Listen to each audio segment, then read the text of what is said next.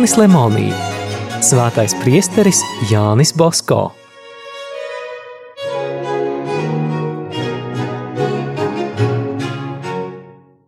Tūkstoš 884. gadā Bosko apciemoja kādu ievērojamu ārzemnieku, kas bija advokāts, un viņš sāka stāstīt, kā savā zemē aizstāvot baznīcas un katoļu skolu brīvību.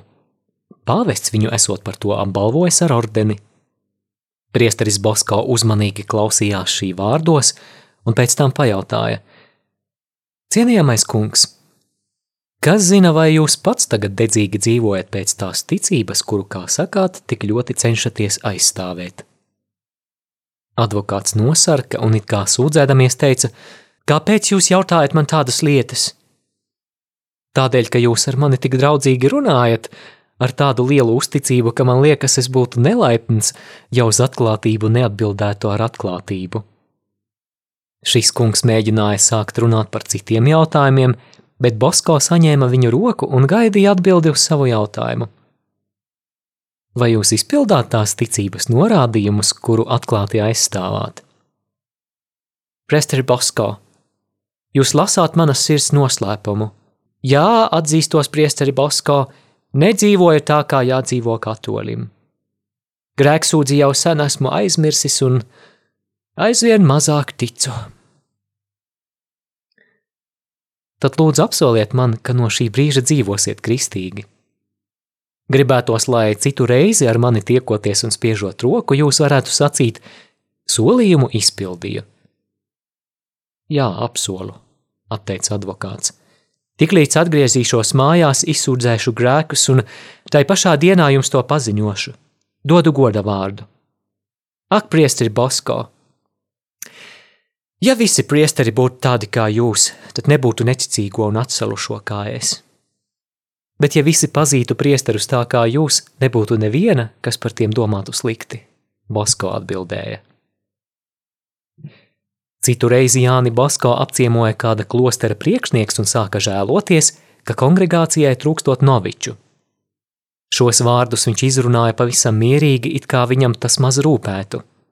Turpretī priesteris Bosko ļoti norūpējies teica – Atcerieties, tēvs, ka jūsu kongregācija vēl nav paveikusi visu to labo, ko tai vajag padarīt. Jums būs jāatskaitās dievam, ka nepūlējāties to izpildīt un uzturēt. Ja tas par grūtu Itālijā iet uz Franciju, uz Ameriku, bet dieva darbu tā atstāt nevar. Droši viņš runāja arī ar valdniekiem.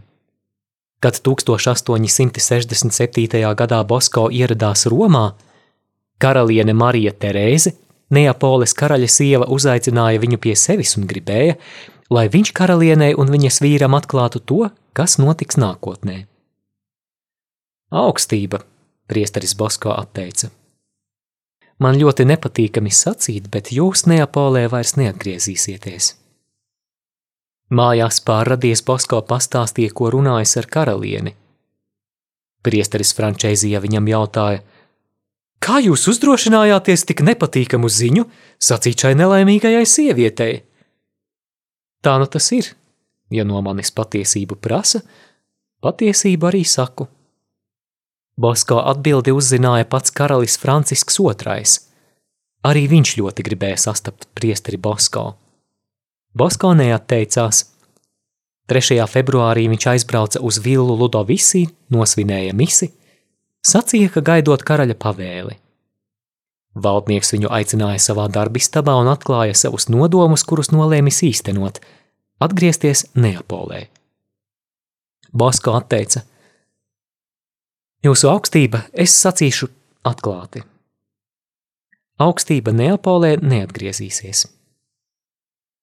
Karalis apvainojās un lika paskaidrot, ko šie vārdi nozīmē. Priesteris Bosko ļoti mierīgi pastāstīja, kā vairāku desmitu gadu laikā Neapolis karaļi izturējušies pret baznīcu. Francisks II viņu uzaicināja vēlreiz. Tagad villā bija arī karaliene Sofija. Karalis it kā jokodams, it kā nopietni priesterim jautāja: Priesteri Bosko, mana sieva grib dzirdēt tieši no jūsu lūpām, ka tiešām tā notiks, kā jūs man sacījāt viņa reiz Ludovisī villā vai atgriezīsimies Neapolē? Augstība. Nesmu pravietis, bet saku to, ko domāju un jūtu. Man liekas, ka būtu labāk, ja jūsu augstība par to vairāk nedomātu. Karaliene aizsvīlās un sāka protestēt, bet Bosko vēlreiz atkārtoja: Novēlu, lai jūsu augstības griba un cerības piepildītos, bet man liekas, ka jūs vairs nesēdēsiet Neapoles karaļa tronī.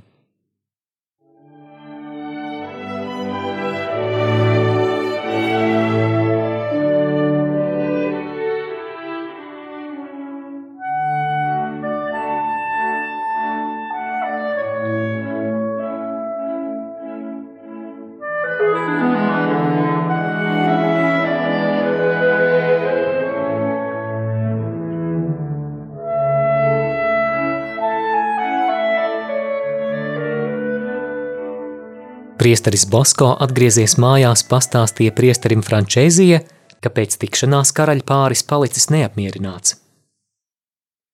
Nu, kāpēc jūs atļāvāties sacīt tādus ļaunus sīkumus?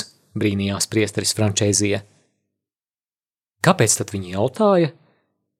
Es gan klusētu, lai izraidītie varētu mierināt sevi kaut vai ar tukšām cerībām. Es citādi sacīt nevaru un neprotu. Vispirms viņi ir bez bērniem, Otrakārt, Dievs viņus izsvītros no valdnieku grāmatas. Lūk, vēl kāds notikums. Turīnas, Cīrihes un Lanco dzelzceļa līniju atklāšanas dienā Turīnas provinces prefekts lūdza priesterim Bosko atļaut Lanco Salīzjāņu iestādē sarīkot mielastu valdības pārstāvjiem un visiem svinību dalībniekiem.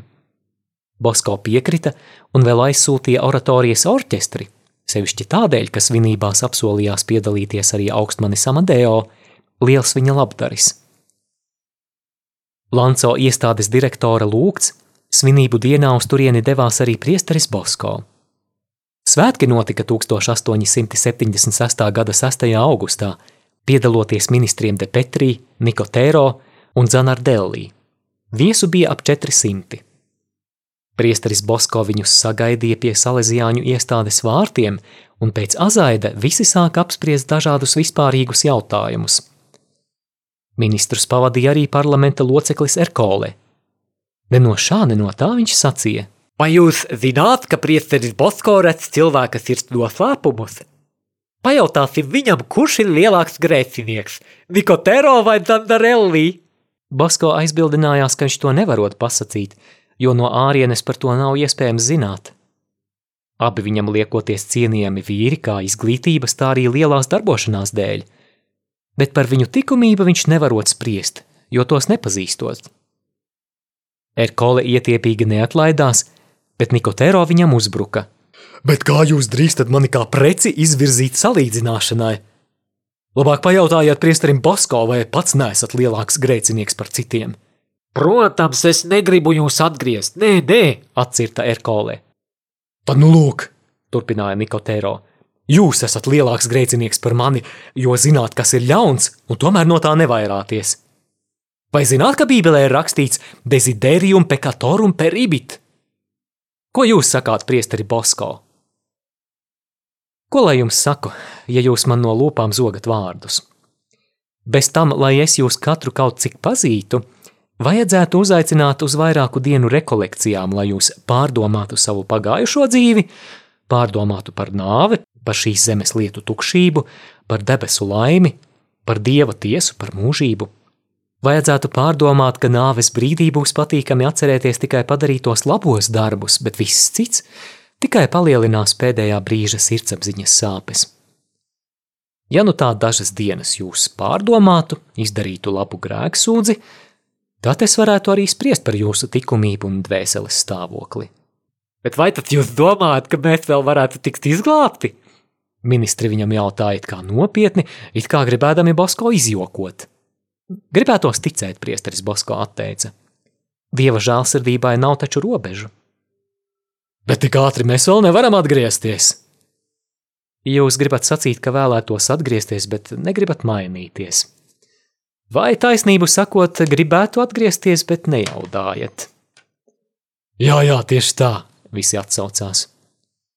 Tad man atliek sacīt to, ko nu pat viens no jums sacīja: Desiderium peccatorum peribit.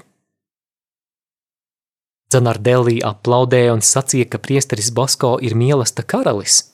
Nikotēro braukdams mājās priesterim teica: Šodien es jūtu savā sirdī maigu apmierinājumu. Tādu es vēl savā dzīvē neesmu jutis un varbūt arī nejutīšu. Varbūt tikai tad, kad atkal kādreiz nokļūsit Salesiāņu mājā, piebilda Zanardellī. Svētkiem beidzoties, Basko Lanco Salesiāņiem sacīja: Domāju, ka šie ministri jau sen nebija dzirdējuši tik daudz mācību, cik šodien dzirdēja šeit. Patiesībā viņi ir nožēlojami cilvēki, jo neviens viņiem nepasaka sirsnīgu vārdu. Neviens neuzdrošinās tiem apnikt, pieminot mūžīgās patiesības. Es tos draudzīgi uzņēmu un pasakīju tik daudz, cik man šai gadījumā bija izdevība pasakīt. Runāju atklāti un skaidri, bet reizē arī laipni, lai neapvainotu. Varbūt nekad viņi nav bijuši rekolekcijās, bet šoreiz pat neaizgājuši uz svētā Ignācija baznīcu tajās piedalījās. Beidzot, evaņģēlijā taču ir pavēle – dodiet ķeizaram, kas ķeizara. Šī pavēle jāpilda. Ja jau ielaidām viņus savā mājā, tad gribējām pagodināt valdības pārstāvjus. Bez tam esmu pārliecināts, ka mēs paveicām vēl vairāk laba. Tagad ministri nebūs tik stingri priesteru priekšā – Reiz redzēdami, ka priesteris pret viņiem tik sirsnīgi izturas, viņi pārliecināsies, ka vairums priesteru ilgojas katram cilvēkam palīdzēt kā vien var. Es domāju, ka nāves brīdī tie neatteiksies pieņemt priesteri.